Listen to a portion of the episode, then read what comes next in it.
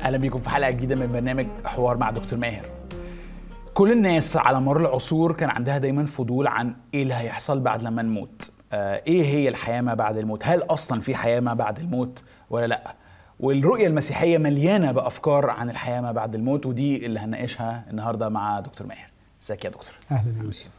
إحنا قربنا على نهاية الموسم بتاعنا الموسم اللي فيه إحنا آه، بادئين من الأول خالص للآخر خالص من أول وجود الكون وانه الله أساس الوجود آه، نهاية بانتهاء العالم. وآخر حلقتين هيبقوا يعني متركزين على الحتة دي اللي هي في علم اللاهوت بيسموا بالأخرويات يعني ما الذي سيحدث في نهاية آه، العالم. والعنوان بتاعنا النهارده إنه الله يفتدي. أوكي؟ وخلينا نبتدي ب- بأول أول سؤال على طول. مسيحيين كتير آه، عندهم رغبة وصورة إيجابية قوي عن آه، اللي هي- اللي هيحصل ما بعد الموت. وبنحب إحنا إحنا بنسميها السماء بنركز قوي على كلمة السماء إن هي مش آه، مش بس مجرد مكان آه، مريح وجميل لكن إن هو وجود الله وحضوره آه، وإن إحنا هنبقى معاه. لكن خليني كالعادة إن أنا دايما أحب اقدم يعني عارف كيف يرانا الملحد مثلا؟ يعني بيفكر فينا إزاي؟ فاول سؤالين دايما هيجوا إيه؟ مفهوم السما ده إن إحنا هنتاخد من الدنيا دي ونستريح ونبقى مع ربنا وكل حاجة. أول حاجة بالنسبة لحد مش موافق آه، أو مش مقتنع معتقد ملوش دليل. نعرف منين إنه في حياة ما بعد الموت؟ يعني هل ما عندناش أي حاجة؟ فسؤالي الأول هل يوجد دليل على إنه يوجد حياة ما بعد الموت؟ نمرة اتنين إنه حتى إن كان مفهوم الحياة ما بعد الموت مستساغ عقليا فلبعض الناس هو بيشكل نوع من الهروب. انت متضايق في الدنيا دي وزهقان منها وال... وعايز تتركها بكربها وفقرها وظلمها فبتخترع لنفسك آه، يوتوبيا سمائية مدينة فاضلة تعيش فيها و... وعادلة وجميلة وتحفة. فنمرة واحد هل هي حقيقية؟ نمرة اتنين أو عندنا دليل ليها؟ نمرة اتنين نضمن منين إنه ده مش مجرد اختراع يوفي احتياجنا النفسي لمكان مريح.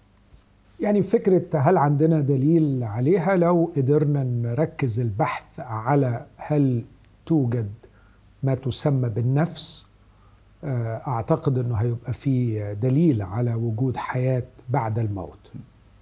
آه، هل الإنسان هو مجرد جسده أم أن هناك عنصر غير مادي في ال- الكينونة الإنسانية دي؟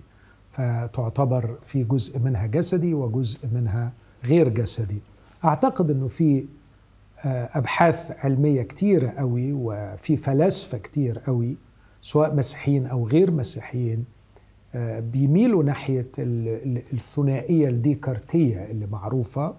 البعض برضو بيرفضها من الناحيتين يعني في مسيحيين وغير مسيحيين. إيه الثنائية الديكارتية دي معلش؟ اللي هو التمييز الحاد والقاطع بين الجسد والنفس. امم yeah. آه فأنا آه سول نفس السول. بتحوي بقى في التعريفات المختلفة النفس والروح وكي لو جزء غير مادي في الإنسان يعني. يعني لو حبينا نعرفها هي التي تحوي الوعي وتحيي الجسد. Okay. تحوي الوعي فال consciousness الوعي الإنساني موجود في النفس وهي التي تحيي الجسد. It animate the body. يعني من غيرها ال- الجسد امم لكن بوجود النفس الجسد كيان حي نابض بالحياة ي- يفكر ويبدع و أو ال consciousness من خلالها يفكر ويبدع ويتخيل إلى آخره. حلو فده من جانب.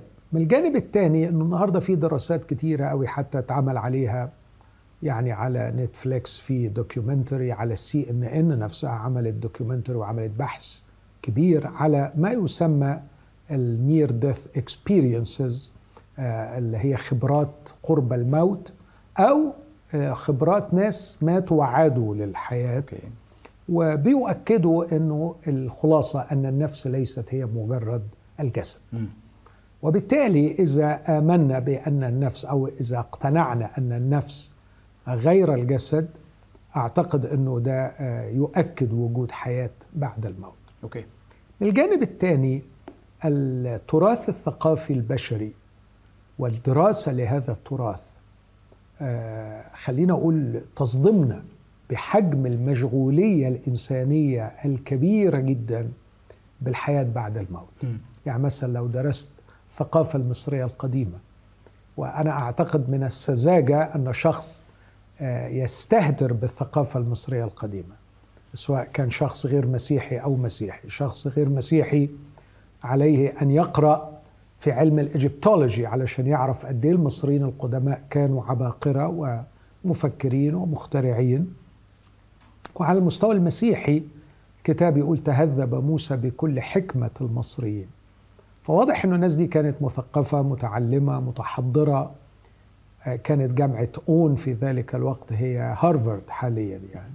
المصريين القدماء لما تدرس التراث بتاعهم كله بيدور حول ما بعد الموت.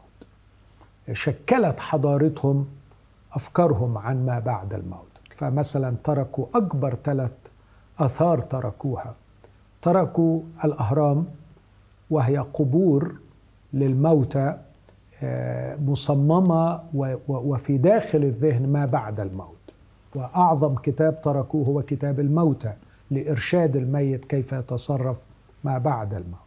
وأشهر علم تركوه هو تحنيط جثث الموتى علشان يجعلوا الجسد جاهز للحياة بعد الموت. فاذا دراسة التراث البشري دراسة الميثولوجيا اليونانية آه، ولما بتتكلم عن اليونانيين نقدر نقول إن هم ورثة المصريين في الفلسفة وفي العلم وربما فاقوا عنهم. برضه بيتكلموا عن الحياة ما بعد الموت. لما تشوف محاكمة سقراط أستاذ الفلاسفة وكبير الفلاسفة وهو بيؤكد لمن يحاكموه إنه بعد أن أتجرع هذا السم آه، أنتم ستؤذوا لكني أنا لن أؤذى لأني سأكون في مكان أفضل. بس هل ده دليل؟ يعني مش ممكن حد ببساطة يقول ما هي دي الثقافات القديمة التي كانت آه، ما قبل العلم يعني؟ ثقافات قديمة لكن زي ما أشرت وأنا ما ما جبتش من ثقافات أي ثقافات لكن أشرت إلى معقل الحضارة سواء في مصر أو في اليونان. في الأزمنة القديمة. وأعتقد أنه من الكبرياء أن تتجاهل التراث الإنساني. يعني اللي هي بيسموها نوع من الكبرياء العصري. ده تعبير معروف يعني إنه النهارده علشان الحاجة دي قديمة ما تبقاش آه، صحيحه. ولكن أنا أشرت كمان إلى دراسات حديثة بتؤكد وجود النفس. آه، يبقى إنه في أشخاص بيرفضوها. بس أنا أحيانا بستغرب لما بيرفضوها لانهم بيرفضوها بتشدد إيماني. فهو مؤمن بغيابها رغم إنه أنا وأنت بنعتمد على الإيمان في هذا الأمر. ما حدش فينا شاف في النفس صح. فلماذا الدogmatية يعني؟ لماذا الكبرياء في ال... إنك تبقى dogmatic قوي في رفضك لوجود النفس ورفضك لوجود حياة بعد الموت؟ وأنت ليس لديك دليل والأمر كله هو أمر إيماني بحت يعني. Okay. إيه رأيك في الحجة اللي مسيحيين كتير بيستخدموها من قيامة المسيح؟ إنه يحاول يعمل حجة تاريخية لقيامة المسيح وتقول إنه لو في حد مات وقام من الموت ده يقول إنه في عالم ما بعد الموت. إيه رأيك في الحجه دي؟ يعني لو قدرنا فعلا نقدم أدلة كافية على قيامة المسيح مقنعة موضوعية فأعتقد إن ده أقوى دليل. لكن كمان عايز أقول إنه قارئ الكتاب المقدس آه، من الصفحات الأولى وإلى نهاية الكتاب المقدس سيستطيع أن يجمع عشرات الأدلة على وجود النفس وعلى وجود حياة بعد الموت. Okay. حلو قوي. طيب ماذا بقى عن الاعتراض التاني اللي هو بيقول إيه؟ بص موضوع الحياة ما بعد الموت ده يحمل كل علامات الوهم الوهم اللي هو معمول عشان يريحني. آه، عارف زي ما ماركس كده بيقول إيه؟ الدين أفيون الشعوب. الأفيون هنا مش معناها آه، حشيش للمزاج. الأفيون معناها مسكن. مسكن يهون على المتألم آه، ألمه الحالي بإنه يقول له ما تقلقش ما بعد الموت في قاضي عادل هيعدل و... و... و... يعني نعيم ينتظرك وتعويض على الحياة الوحشة اللي أنت عشتها دي. فكأنه عارف it's too good to be true ده اللي بيقولوه يعني. يعني عندي كذا رد على الكلام ده. خليني أبدأ بإنه أقول آه، است- اقتباس ماركس في في الحتة دي الدين أفيون الشعوب. أنا نفسي يعني إن إحنا آه، نراجع الاقتباس ده. آه، اولا آه، الأفيون في الوقت ده ما كانش مخدر اللي بيتعاطوه الناس علشان يعملوا دماغ يعني. لكن كان مسكن للألم. Yeah. وماركس ما قالش العبارة دي بس قالها في إطار عبارة من أربع جمل. فقال الدين هو أفيون أو مسكن الألم. يعني لو عايز ترجمها ترجمة دقيقة هو مسكن ألم الشعوب لكن بعدها يقول هو تنهيدة ال- الكائن المظلوم. في ناس مظلومة وهو تنهيدة الكائن المظلوم. هو القلب لعالم لا قلب له وهو الروح لظروفنا التي لا روح لها. فكتير من الناس المحللين والنقاد الأدبيين بينظروا إليه على إنه كان ينظر إلى الدين نظرة يعني إيجابية في ذلك الوقت وليست بالسلبية اللي إحنا دلوقتي بنفهمها أو بعد اقتطاعها من السياق. لكن هو ماركس الحقيقة كانت قضيته ال- الكبرى مشكلة تاني خالص مش مش المشكلة هي الدين. المشكلة هو هو الراجل عبارة عن آه، يعني خلينا نقول هيومانست ثينكر مفكر إنساني أكيد ملحد أنا مش مش بناقش دي. لكن أحب إن إحنا نقرأ العبارات بتاعته في سياقها. هو كان شايف إنه الكارثة الكبرى التي حدثت في التاريخ البشري عندما تولى رجال الدين الحكم. آه، وبالطبع بلا شك فشلوا في الحكم زي ما بنشوف حواليا زي ما شفنا في مصر زي ما بنشوف في بلاد كتيرة حواليا زي ما بنشوف في إيران. رجال الدين مش مؤهلين للحكم إطلاقا. بس لما بيحكموا بيفشلوا. وعلى فكرة الشعوب تميل لاختيارهم. آه، تميل لاختيار رجال الدين لأنه بيحسوا إنه دول بقى بتوع ربنا ودول اللي هينصفونا وهيجيبوا قوة ربنا بقى يحلوا لنا مشاكلنا. فرجال الدين غير مهيئين للحكم وبالتالي بيفشلوا وتكون النتيجة وده اللي قاله ماركس إنه لما بيفشلوا بيقولوا لهم it's okay معلش إحنا بنهيئكم للسماء إحنا بنهيئكم للعالم الآخر. مش مهم اللي حاصل دلوقتي المهم اللي جاي. فالبعض قال إنه بدل ما نشيل رجال الدين من الحكم لغينا اللي جاي. يعني مم. مم. يعني هم رجال الدين بيقولوا للناس مش مهم إن إحنا فشلنا دلوقتي إحنا بنهيئكم للي جاي. فطلعوا الناس قالوا ما فيش جاي. آه نشتغل دلوقتي. خليها في آه، دلوقتي أيوة. ما فيش جاي. بس ده غلط. أنت أنت عالج المشكلة. المشكلة مش إنه ما فيش جاي. المشكلة إن اللي ماسك الحكم غلط. مم. فانزع رجال الدين من الحكم. تتصلح هات ال- الكفاءات علشان تحكم مش تقول إنه ما فيش جاي. بس حضرتك ما توافقش إن فعلا إن ساعات ال... الانشغال أو الولع بما هو آتي يخلينا نهمل حاضر؟ بلا شك زي كل الأمور فيها تطرف. والتطرف الثاني برضو أن تنزعني من الآتي انت تقتل عندي الرجاء وتحكم علي بقبول عالم لا يطاق. ومش بس عالم لا يطاق من الناحية الإنسانية لكن حتى أقول من الناحية المنطقية. يعني إيمانويل كانت آه، على رأي بعض المفكرين المسيحيين يقول لك طلع ربنا من الباب ودخله من الشباك. لما قال إحنا مش هنقدر نعرف حاجة عن ربنا بالعقل. بس جه بعد كده وقال لك آه لازم نعيش كأن الله موجود. فليه يا عم لازم نعيش كأن الله موجود؟ فعنده كده يعني حجة شوية شيقة. يقول لك إنه آه، أفضل شيء في هذا العالم يضمن استمرار الحضارة ويضمن استمرار وجود الإنسان هو العدل. لو غاب العدل إحنا حكم علينا بالفناء وبانهيار كل شيء. فلا بد أن يكون هناك عدل. لكن الواقع بيقول إنه محدش بياخد حقه في هذا العالم في ناس ظلمة كتير. وأن العدل لا يأخذ مجراه في هذه الحياة. آه، علشان كده لابد أن تكون هناك حياة أخرى يجرى فيها العدل ولابد أن الناس ينتقلون إلى العالم الآخر لكي ينصفوا يعاقب من يح من يستحق العقاب ويكافئ من يستحق أوكي. المكافأة. ولا بد أن يكون هناك كائن آه، حكيم عاقل قوي قادر قادر على أنه يجري هذا العدل وبالتالي لا بد أن يكون هناك الله مم. فإيمانويل كانت نفسه بي- بيمشي بحجة أنه الحضارة لن تستمر والوجود لن يستمر إذا لم يكن لدينا تصور أو قناعة بأن هناك afterlife أو ما بعد هذه الحياة. أخيرا أقول لك حاجة بهذا الصدد سي إس لويس أنا برد على اللي هو يعني بيقول الكلام ده يخلي الناس تتطرف وتهمل هنا اللي عايز يهمل هنا هيدور على حجة تخليه يهمل هنا. صح. فلو ما كانتش دي هيدور على غيرها هو كسلان هو مش عايز هو عايز يهمل.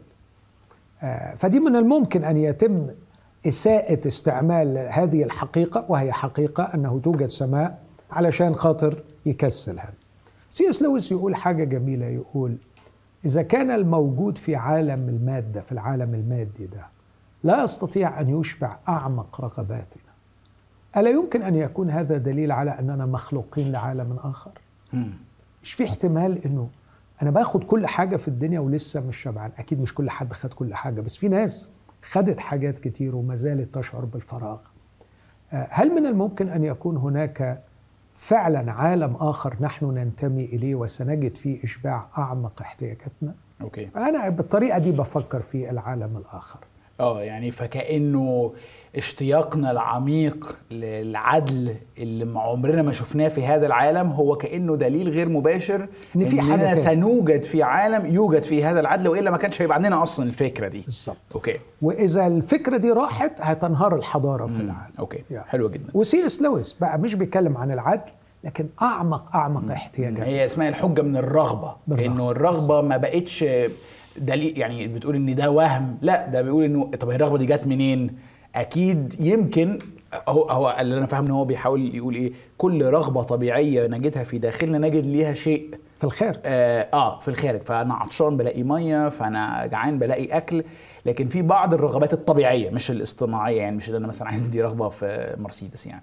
آه آه الرغبة الطبيعية لا أجد لها آه شيء يشبعها وده ممكن يبقى دليل اني خلقت لعالم آخر. الحاجة دي بقى موجودة فيه. صحيح. okay فمنها مثلا هذا okay حلو قوي طيب يعني خلينا ننتقل شوية. أنا عايز يعني إيه نناقش شوية زي ما إيه المنظور المسيحي للحياة ما بعد الموت. okay أو زي ما بيتسمى كده دارجا السماء. okay وخليني أقول لك صورتين كده يعني بيجوا في بال أي حد لما نيجي نتكلم عن الموضوع ده. الصورة الأولى هنرنم. okay ومعرفش يعني هي الصورة دي متفشية وموجودة يعني عند المسيحيين كتير. هنقعد نرنم إلى الأبد. تسبيح تسبيح تسبيح تسبيح آه للأبد. وما أكدبش عليك آه ماشي أحلى ترنيم ماشي مش مفيش نشاز ماشي هناخد أصوات وقيثارات سماوية ماشي okay؟ بس يعني مش عايز أقول لك كم كواحد بخدم ما بين الشباب كم المرات اللي بقابل فيها شباب بيقولوا إحنا الحاجة الوحيدة اللي مخليانا عايزين نروح السماء وإحنا مش عايزين نروح النار. يعني فكر فيها كده. لكن إيه موضوع الترنيم ده؟ أكيد هنزهق. يعني فده ده دي صورة عن الحياة ما بعد الموت. مش مش جذابه مش كده. وبقى الحاجة التانية اللي ممكن تبقى سنة عايز أقول إيه صراع خفي أكتر. إنه ناس كتيرة عكس بقى اللي كنا بنتكلم عنهم في الأول. مش بيشوفوا حياتهم إن هي كرب وبهدلة فعايزين يخلصوا منها ويروحوا السما. في ناس أنا بقابلهم يعني مش مش قليلين في الحياة. لا هم فرحانين باللي بيعملوه مبسوطين باللي بيعملوه بعملهم بعائلتهم بزوجاتهم بما ينجزوه في هذا العالم. وعندهم كده حتة مضايقاهم إنه المنظور المسيحي إن إحنا هنسيب الأرض ونروح السماء كأنه نوع من اللاغي أو الاستهتار أو بطل اللي هم تعبوا فيه في العالم ده. فكان جواهم صرخة كده بتقول إيه؟ يعني أكيد في حاجة لازم تكمل في اللي أنا بعمله ده. فيعني كأني بحاول أديك ال two concerns دول أو الصورتين دول أو. التخوفين دول من الحياة ما بعد الموت. ونفسي تشرح لي المفهوم المسيحي عن الحياة ما بعد الموت بطريقة تريح الشخصين دول. يعني أنا بشوف إنه الفترة الحالية من حياة البشر بكل المعاناة والألم اللي فيها وهي مملوءة بالمعاناة ومملوءة بالألم ومملوءة باللا معنى رغم كل الحاجات الجميلة اللي ممكن نشوفها لكن الكتاب يقول أن الخليقة أخضعت للبطل. ليس طوعا بل من أجل الذي أخضعها على الرجاء على الرجاء أنه يتم افتداء هذه الخليقة. وقبليها يقول لأننا نعلم أن كل الخليقة تئن وتتمخض معا إلى الآن. ففي ألم وفي مخاض لكن على رأي دالاس ويلرد الفيلسوف المسيحي يقول training for reigning. فنحن في فترة الحياة الحاضرة تدريب من أجل الملك. نحن في فترة فيها نصنع. بروح خطوة أبعد شوية مش بقول بنتدرب إحنا بن- بنتصنع. ال- الله لم يتنازل عن الهيومن رويالتي إنه يكون الإنسان ده كائن ملكي كائن مجيد. كائن فعلا مش يملك مجد ولا يعيش في مجد لكن هو نفسه glorious being هو كائن مجيد. فالله حاليا في في طور صناعة هذا الكائن المجيد الإنسان لدرجة أنه داود وهو بي بيتأمل الحقيقة دي يقول من هو الإنسان حتى تذكره؟ وابن آدم حتى تفتقده؟ وبعدين يقول له بمجد وكرامة كللته. وأقمته على جميع أعمال يديك. وأخضعت كل شيء تحت قدميه. ده المنظور الإلهي للإنسان. آه، المنظور اللي القصة المسيحية بتقول إنه للأسف الإنسان فشل الإنسان استقل عن الله الإنسان أضاع مجده أضاع ال royalty بتاعته وبالتالي الله حاليا في حالة استعادة هذا الإنسان. آه، تكوينه أولا. وبعدين ينجز به المشروع اللي بنشوفه في تكوين واحد وتكوين اتنين. okay. بناء الهيكل الكوني اللي من خلاله يتكشف الله. ولما نقول يتكشف الله آه، أرجوك حط في ذهنك أنه يمتلئ الكون من كل صلاح وبر وحق. الإيمان المسيحي أنه توجد الآن دائرة النور ودائرة الظلمة. ونحن كنا نعيش في دائرة الظلمة حيث الانفصال عن الله. انتقلنا إلى دائرة النور لكن ما زال في صراع بين النور والظلمة سوف ينتهي بمجيء المسيح الثاني ويكون الكل في النور. ثمر النور الرسول يوصفه في أفسس خمسة كل ما هو صلاح وبر وحق.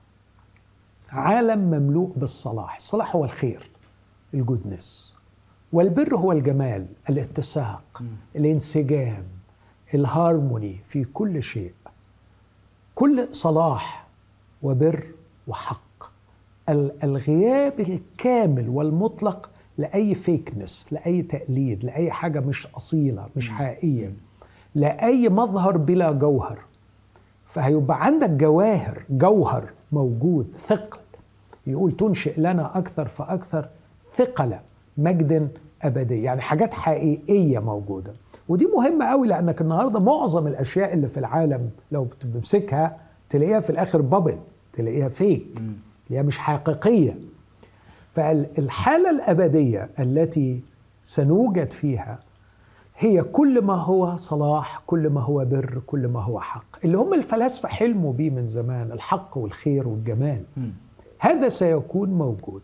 بس ده بيتعمل دلوقتي على المستوى الروحي وسيكتسي في المستقبل جسمه المادي.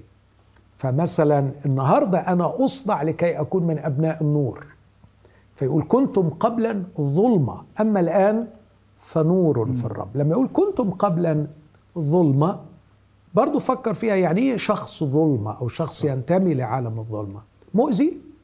في أذى؟ عكس الصلاح.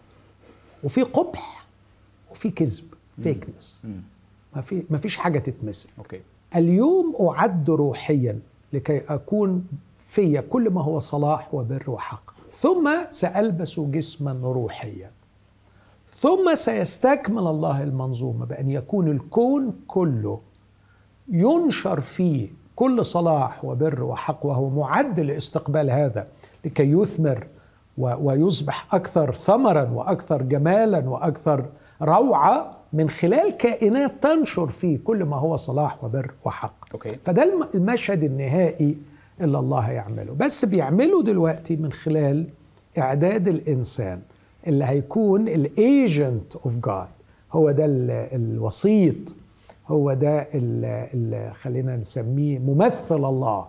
الذي سيحمل حضوره وينشر في الكون الصلاح والبر والحق.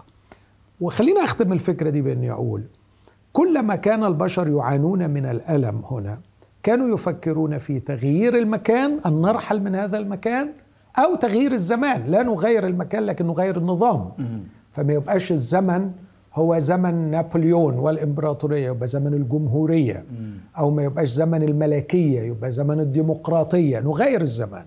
لكن الحقيقة لا تغيير المكان ولا تغيير الزمان هو الحل تغيير الإنسان ده المنظور المسيحي أن الله اليوم يغير الإنسان ويجعله ابنا من أبناء النور قادر على أن يعيش وينشر كل ما هو صلاح وبر وحق ثم تأتي المرحلة الأخرى وهي افتداء المادة والجماد لجعلها تنسجم وتتناغم مع هذا الكائن الجديد. أوكي يعني أنا هحاول ألخص اللي حضرتك قلته إنه المعاناة الحقيقية للإنسان أو المأزق الحقيقي للإنسان دلوقتي مش إنه عايش في مكان وحش أو موارده قليلة أو إنه في نظام حكم مثلا معين محتاج يتغير أو هو. أو موارد إنه الإنسان نفسه محتاج صح. يتغير وهو ده مشروع الخلاص المسيحي الانسنه أو إنه استعادة الإنسان فتستعيد كل ما هو صالح كل ما هو حقيقي كل ما هو جميل آه وبعدين بقى يصلح أو يستعد أو آه يصلح هذا الإنسان لكي يعيش بقى في عالم جديد لا يفسد لا يفقد لا يسقط زي ما اتكلمنا في أوائل ال- ليه لا. يسقط؟ لأنه مش ال royal لأنه المكان أفضل لا آه. آه. ال royal being اللي هيطلع ده خلاص بصفة كاملة معتمد على الله آه لقد اتحد بالله آه. والتصق به وصار واحد معه okay من التصق بالرب فهو روح واحد فاحتمالية السقوط انتفت تماما. حلو جدا. وبالتالي سيظل الله في داخل كونه من خلال الوسيط اللي هو الإنسان. okay حلو جدا. عايز بقى أرجع للشخصين اللي أنا كنت بكلمك عنهم. الشخص اللي خايف من الضجر أو الملل مع الترنيم okay؟ يعني قول لي الترنيم فين في الصورة دي. والشخص اللي خايف على عمله الآن يعني وي- ويشعر إنه أنا يعني هيروح فين اللي أنا اللي أنا تعبت فيه واجتهدت فيه في هذه الحياة؟ أولا إحنا محتاجين نفهم الترنيم صح. آه، كلمة ال- الترنيم بالمعنى اللي إحنا يعني سائد في داخل المسيحية وأنا كتير بحزن لأنه لما بقول لو جه حد من المريخ اللي أنت بتتكلم عنه أيوة، دايما. أيوة. وعملنا له جولة جوه الكنائس ولا سيما الكنائس الإنجيلية أو غير الإنجيلية. وقلت له قول لي وصف للمسيحيين فأنا كتير أتخيل إنه هيرد يقول شعب يغني. يعني إحنا كل اللي بنعمله إحنا عمالين نغني يعني. والمفهوم الأخطر بقى واللي أنا شخصيا كان واحد من ضمن العوامل اللي دفعتني للإلحاد في فترة شبابي المبكر إنه بقول مين ال egocentric being ده؟ إيه الكائن ال- المتمركز حوالين ذاته ده اللي قاعد على عرش كبير فوق وكل طلبه من الناس إنها قاعدة بس تغني له يعني وهو يستمتع بغناهم. فالحقيقة ده تشويه لصورة الله. إنه بس كده يعني يسبح بإنه نسبح بحمده يعني. أنت ولي نعمتنا أنت سيدنا وأنت الكل في الكل. وهو مبسوط قوي إنه بيتقال له كده. مم. بس مش هي دي الصورة الكتابية مثلا في سفر الرؤيا؟ اطلاقا اطلاقا. ما إحنا دي محتاجين آه، نصححها. آه، آه. خالص مش كده. صح- صححها لي. يعني على الأقل دي تتعارض مع أن ال- الخروف المسبح هو الحمل الذي ذبح واشتراهم اللي, خدمهم واللي آه، أعطاهم حياته لكي يكونوا ملوكا وكهنة معه. فمش الإله اللي منفصل عنهم عالي ويسبح لكن ده الإله اللي بقي فيهم. آه، هوذا مسكن الله مع الناس اللي يسكن معهم ويكون لهم إلها وهم يكونون له شعبا. خليني أقول لك ال- التسبيح في المفهوم المسيحي. أولا التسبيح في المفهوم المسيحي يخرج عن مجرد الكلام. جزء منه الكلام وهاجي للجزء الكلام ده. لكن مثلا لما أقرأ آية في فيليبي واحد الرسول يقول مملوئين من ثمر البر الذي بيسوع المسيح لمجد الله وحمده هنا تسبيحه. لاحظ مملوئين من ثمر البر. فاكر أنا قلت لك كل صلاح وبر وحق البر هو الجمال هو الاتساق. فأنت حياتك تصبح مملوءة بثمر البر يعني مملوءة بالجمال الروحي. okay. منين جالك الجمال ده؟ بيسوع المسيح. بعدين يقول هذا الثمر لمجد الله وتسبيحه. فيسبح الله من خلال الجمال البادي في حياتك okay. وفي شخصيتك. فنحن نسبح الله بما نفعل. نسر قلب الله بما نفعل. التسبيح يقال عنه ذبيحة والذبيحة رائحة سرور. عايزك تراجع حياة المسيح. وهو أعظم رائحة سرور صعدت لله من الأرض. دي اللي أشبعت وأسرت قلب الله. أقدر أجزم وأدافع عن هذا بكل قلبي وأقول إن أعظم تسبيحة سبح بها الله على الأرض هي يسوع المسيح. يسوع كان تسبيحة. وإحنا حياته على بعضها حياته كده. هي أوكي. التسبيحة. وهجي لك أثبت لك دي بس على الأقل إحنا كمان اسخاتولوجيا لما تقرأ في النبوات تكونين تسبيحة. المؤمنين نفسهم يبقوا تسبيحه للرب. فيسوع المسيح كان تسبيحه عايزك ترجع لنص في إنجيل متى أصحاح 12 تشوف فيه حتة رائحة السرور تشوف التسبيحه دي طالعة إزاي. في متى 12 يسوع دخل إلى مجمع اليهود. أول ما دخل لقي وجوه مكفهرة منتظرة عايزة تمسكه عايزة تصطاده. لأنه لقيوا في راجل دخل المجمع ويده يابسة. فأقامه يسوع في الوسط وكأنه شمر عن ذراعيه وداخل للحرب داخل للمعركة. فهو يحارب حروب الرب. وقال للرجل قوم اقف فوقف. فقال لهم مين منكم عنده خروف ولا حمار يسقط في يوم السبت؟ ألا يقيم ودخل معهم في مواجهة مستعملا المنطق وبعدين قال لهم اذهبوا وتعلموا. أما قرأتم؟ إني أريد رحمة لا ذبيحة. فدخل معهم في مواجهة منطقية. من حياتهم العادية الخروف والحمار اللي بيقع وإزاي يطلعوه يوم السبت. وبعدين قراءة لسفر هوشع ما كانوش يعني كانوا بيتجاهلوها. فراح قال للرجل قوم آه، مد يدك. فصارت يده صحيحة. فخرجوا وتشاوروا عليه لكي يهلكوه. فخرج يسوع من المجمع طالع من محاولة اغتيال. فتبعه جمع كثير فتحنن عليهم وشفاهم جميعا. عايزك تفكر في الشخص ده. الشخص اللي بيدخل في مواجهات منطقية. ومواجهات كتابية وبعدين يتعرض لمحاولة اغتيال لكن نفسيته ال- المتألمة من محاولة الاغتيال لا تجعله يتراجع عن أن يتحنن ويشفي كل الذين تبعوه هنا يقف بقى متى ويقول آه لكي يتم قول الكتاب هو ذا فتاي الذي اخترته حبيبي الذي سرت به نفسي. هنا رائحة السرور. هنا التسبيحة. okay. فالتسبيحة التي صعدت إلى السماء وفرحت السماء وسرت قلب الله ساكن السماء مش إنه يسوع قعد يغني له مش مسك له العود وقعد يرنم له. لكن يسوع شفى يسوع دخل في حوار يسوع قهر الظلم والشر يسوع عمل شيء خلى قلب الآب يصر والكنيسة المفروض أنها امتداد يسوع تسبح الله بأن تكون أفعالنا وحياتنا هي التسبيحة التي تفرح قلب الله. أوكي. أنا- أنا الكلام بقى؟ هاجي للكلام بس خليني أكمل النقطة دي. إحنا دايما بنقول أنه كل ذبايح العهد القديم هي آه، صورة لذبايحنا الروحية دلوقتي. إحنا بنقدم ذبائح روحية. بس لما تمسك ذبائح العهد القديم كلها تشير إلى يسوع المسيح. كل ذبائح العهد القديم بدون استثناء. اللي بيوضع على المذبح يشير إلى يسوع المسيح. على أساس إنه الساجدين الحقيقيين لما يظهروا اللي هم حاليا الساجدون الحقيقيين الآن تأتي ساعة وهي الآن الساجدون الساجدون اللي بيعبدوا ربنا العبادة الحقيقية. بالمقابلة مع العبادة الرمزية الحقيقي مش دايما عكس المزيف. لكن الحقيقي عكس الرمزي اللي كان عند اليهود. اليهودي كان يقدم ما يشير إلى المسيح. المفروض أن أنت دلوقتي تقدم المسيح. تقدم حياة المسيح.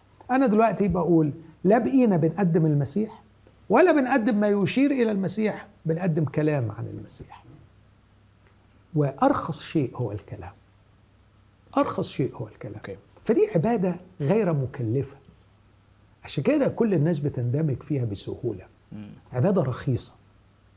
لما كان ما زال الكلام ليه دور. بس أرجوك فكر في النصوص الكتابية في العهد الجديد اللي بتتكلم عن التسبيح ككلام. مثلا عندنا نص يقول عن التسبيح فلنقدم به لله كل حين ذبيحة التسبيح. به بمين؟ بيسوع. بيسوع. فلتقدم بيسوع ذبيحة التسبيح. يعني طلعت التسبيحة من خلال حياة يسوع فيك. وبعدين يقول ثمر شفاه معترفة باسمه. يعني انت عشت حياة المسيح ثم في كلمات تعترف بأن هذا كله بسبب صح. ده اللي كأنها إيه ميك سنس إنه الكلام ده بقى متسق مع حياة كاملة بيسوع. فالكلام نابع من حياة حقيقية مش منفصلة. فبالتالي النقطة اللي حضرتك عايز تقولها إنه تخوف هؤلاء من الحياة التي توصف على إنها تسبيح تخوف مش في محله لأنه مبني على تعريف قاصر للتسبيح إن هو مجرد اكتيفيتي بتتعمل بشوية مزيكا وشوية كلام أو كلمات أغاني. بس هو في الحقيقة لو بصينا على التعبير الحقيقي للتسبيح هو حياتنا الإنسانية اللي, اللي الرب يسوع خلقها جوانا من خلال علاقة معاه اللي هتكتمل لما يجي مرة كمان صح؟ كده من بقوله شكرا إنك يعني قلت كده يا يوسف لأنه أنا وأنا في حماسي نسيت الجماعة اللي أنت بت بتفكر فيهم دول. وأنا رحت أيوه. اللي بيسبحوا دلوقتي. أيوه أيوه أيوه. اللي, اللي اختزلوا التسبيح لمجرد طق حنك على صح. راي اخواتنا اللبنانيين مجرد كلام. التسبيح هو الحياة في ملئها. أوكي. حلو قوي التسبيح عندما تتفجر كل طاقات الحياة المواهب والإبداع والنشاط وتصبح حياتي تسبيحة لله لدرجة يتفرج كده ويقول أرى من تعب نفسي وأشبع. ما أجمل ما صنعت. ورأى أن كل ما عمله إذ هو حسن جدا. ففعلا يبقى قدامه كائنات في النهاية إذا شعرت وإذا فكرت وإذا فعلت تفعل كل شيء لإسعاد قلبه. أوكي. وطبعا بقى في السماوات الجديدة والأرض الجديدة قلت لك كلمة كده عدت يعني اولا ال- الجسم الجديد اللي هيتاخد مع السماوات الجديدة والأرض الجديدة في وضعها الجديد هتتسع بشكل رهيب لكم مخيف من الإبداع للكائن الجديد ده. فهيبقى هو كائن حلو والمجال أمامه مفتوح على مصراعيه فيظل يتضاعف الإبداع والجمال والصلاح اللي هم الثلاث حاجات اللي قلت لك كل ما هو صلاح وبر وحق ويستمر إلى أبد الآبدين. بال بال بالنشاط والحياة اللي تطلع خير واللي تطلع جمال واللي تطلع حق. فبالتالي اللي أنا بعمله في الحياة دي مش هيروح هدر. بص حتة مش هيروح حضر عالمين أن تعبكم في الرب ليس باطلا. أنت أنت الآية دي في سياق بيتكلم عن القيامة صح؟ قيام آه. كورنثوس الاولى 15 آخر كلمة في كورنثوس الاولى 15 بعد كل حجة القيامة. بص حتى الرسول يقول اذا يا إخوتي. كلمة اذا دي اللي هو therefore يعني. Therefore. آه. بما أن بما أن بما أن اذا اذا يا اخوتي كونوا راسخين غير متزعزعين مكثرين في عمل الرب كل حين عالمين أن تعبكم في الرب ليس باطلا. أنا كتير بقول ما هو عمل الرب؟ ما هو عمل الرب؟ وإجابتي غريبة شوية عمل الرب هو عمل الرب. يعني إيه عمل الرب؟ رب يسوع لما كان على الأرض هنا قال العمل الذي أعطيتني لأعمل قد أكملته.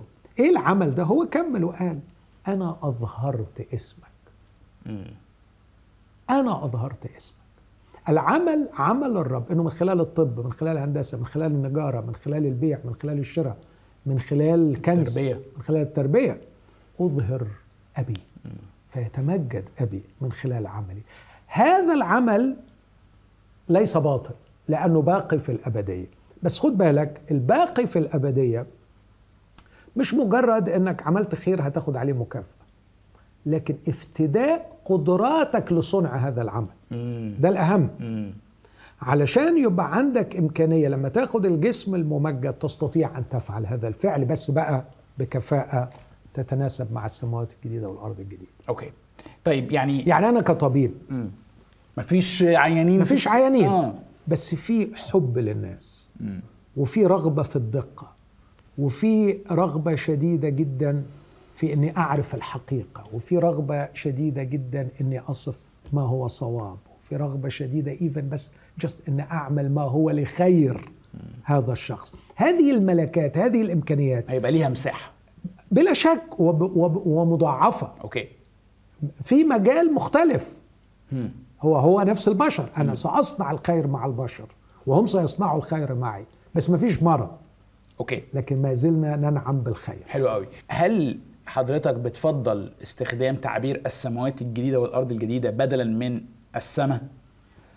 إحنا عندنا تعبيرات كتير تصل إلى سبع ثمان تعبيرات يعني مش بس السماء والسماء الجديدة عندنا الفردوس عندنا السماويات عندنا عندنا حاجات كتير قوي. أنا أنا بشوف إن السماوات الجديدة والأرض الجديدة هي الحالة النهائية التي لا فاصل فيها بين ما هو مادي وما هو روحي. هو دلوقتي في فاصل؟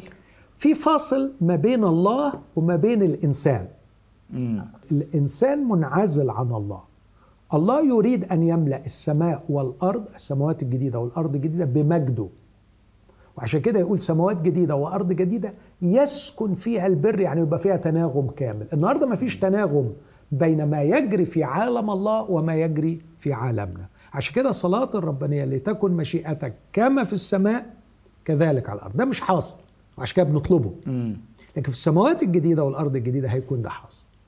مشيئته كما في السماء كذلك على الأرض. okay. وحضرتك في نص الكلام كده قلت هناخد أجساد جديدة. نعم. وأنا عارف ده يعني حتى في نصوص إيه متوقعين التبني فداء أجسادنا. معلش يعني برضو عشان أفهم الحتة دي لأنه دايما الصورة الكاريكاتيريه اللي بتيجي في دماغنا عن السماء إننا هنبقى زي sorry يعني بتاع برضو أطفال كاسبر the friendly ghost عارف؟ آه، شبح كده يعني كيان ح- شبحي أو آه، معمول من حاجة شفافة شوية وفيها هي مش كده. مش كده. خلي بالك قلنا من آه، آه، أعتقد في الحلقة السابقة أن النفس اللي هي ال- العنصر غير المادي في الإنسان تحوي الوعي وتحيي الجسد. الجسد اللي بتحييه جسد حيواني. وكلمة حيواني تقدر تترجمها نفساني وأنت مرتاح من السايك. الوعي ده اللي موجود في النفس عندما يلتقي بالله ويتجاوب مع الله تولد الروح في داخل النفس. okay. فيقول المولود من الروح هو روح. هذه الروح هي الروح الإنسانية وهنا اللي بتحصل عملية الأنسنة اللي دايما بستعملها. okay. فالولادة الجديدة من الله هي الأنسنة مولودين ثانية. لا من زرع يفنى بل مما لا يفنى. مما لا يفنى من الله بكلمة الله الحية الباقية إلى الأبد. هذه الروح التي ولدت في داخل النفس هتستمر وتكبر وتنمو وتنمو في لحظة القيامة تأخذ جسما روحانيا وليس جسما حيوانيا ليس جسما يتناسب مع احتياجات النفس لكن مع احتياجات الروح بس هو جسم جسم مادي. مادي, مادي. طبعا طبعا وعشان كده بيقول لك يزرع جسما حيوانيا يقام جسما روحانيا. بس بس دي فكرة يعني يعني عايز ممكن تبقى غريبة على حتى مسيحيين كتير لأنه بيعتبروا إنه لأ إحنا بنتخلص من الجسد بنتخلص من ما كانش يقول ده زرع. يعني فكرة زرع أنت لما بتزرع حبة الحنطة في الأرض حب قمح آه، آه، آه، هي نفسها بتبقى موجودة بتقوم. بس في شكل جديد. مم. وده المحاجة اللي عملها بولس صح. في كورنثوس الأولى 15 أنت لا تزرع الجسم الذي سيصير مم. لكن بتزرع البذرة اللي فيها الجوهر بتاعه. أوكي. وأنا بعمل بعمل دايما تشبيه الفرق بين الفحم والالماس بقول الفحم والالماس الاثنين ذرات كربون. بس بسبب اختلاف الضغوط ودرجة الحرارة الكربون بقي فحم الكربون تحت بقي ألماس فنفس الفكرة إنه البذرة هتتزرع جسم كان مصمم. لخدمة النفس هيصبح الآن مصمم لخدمة الروح ما هي الروح؟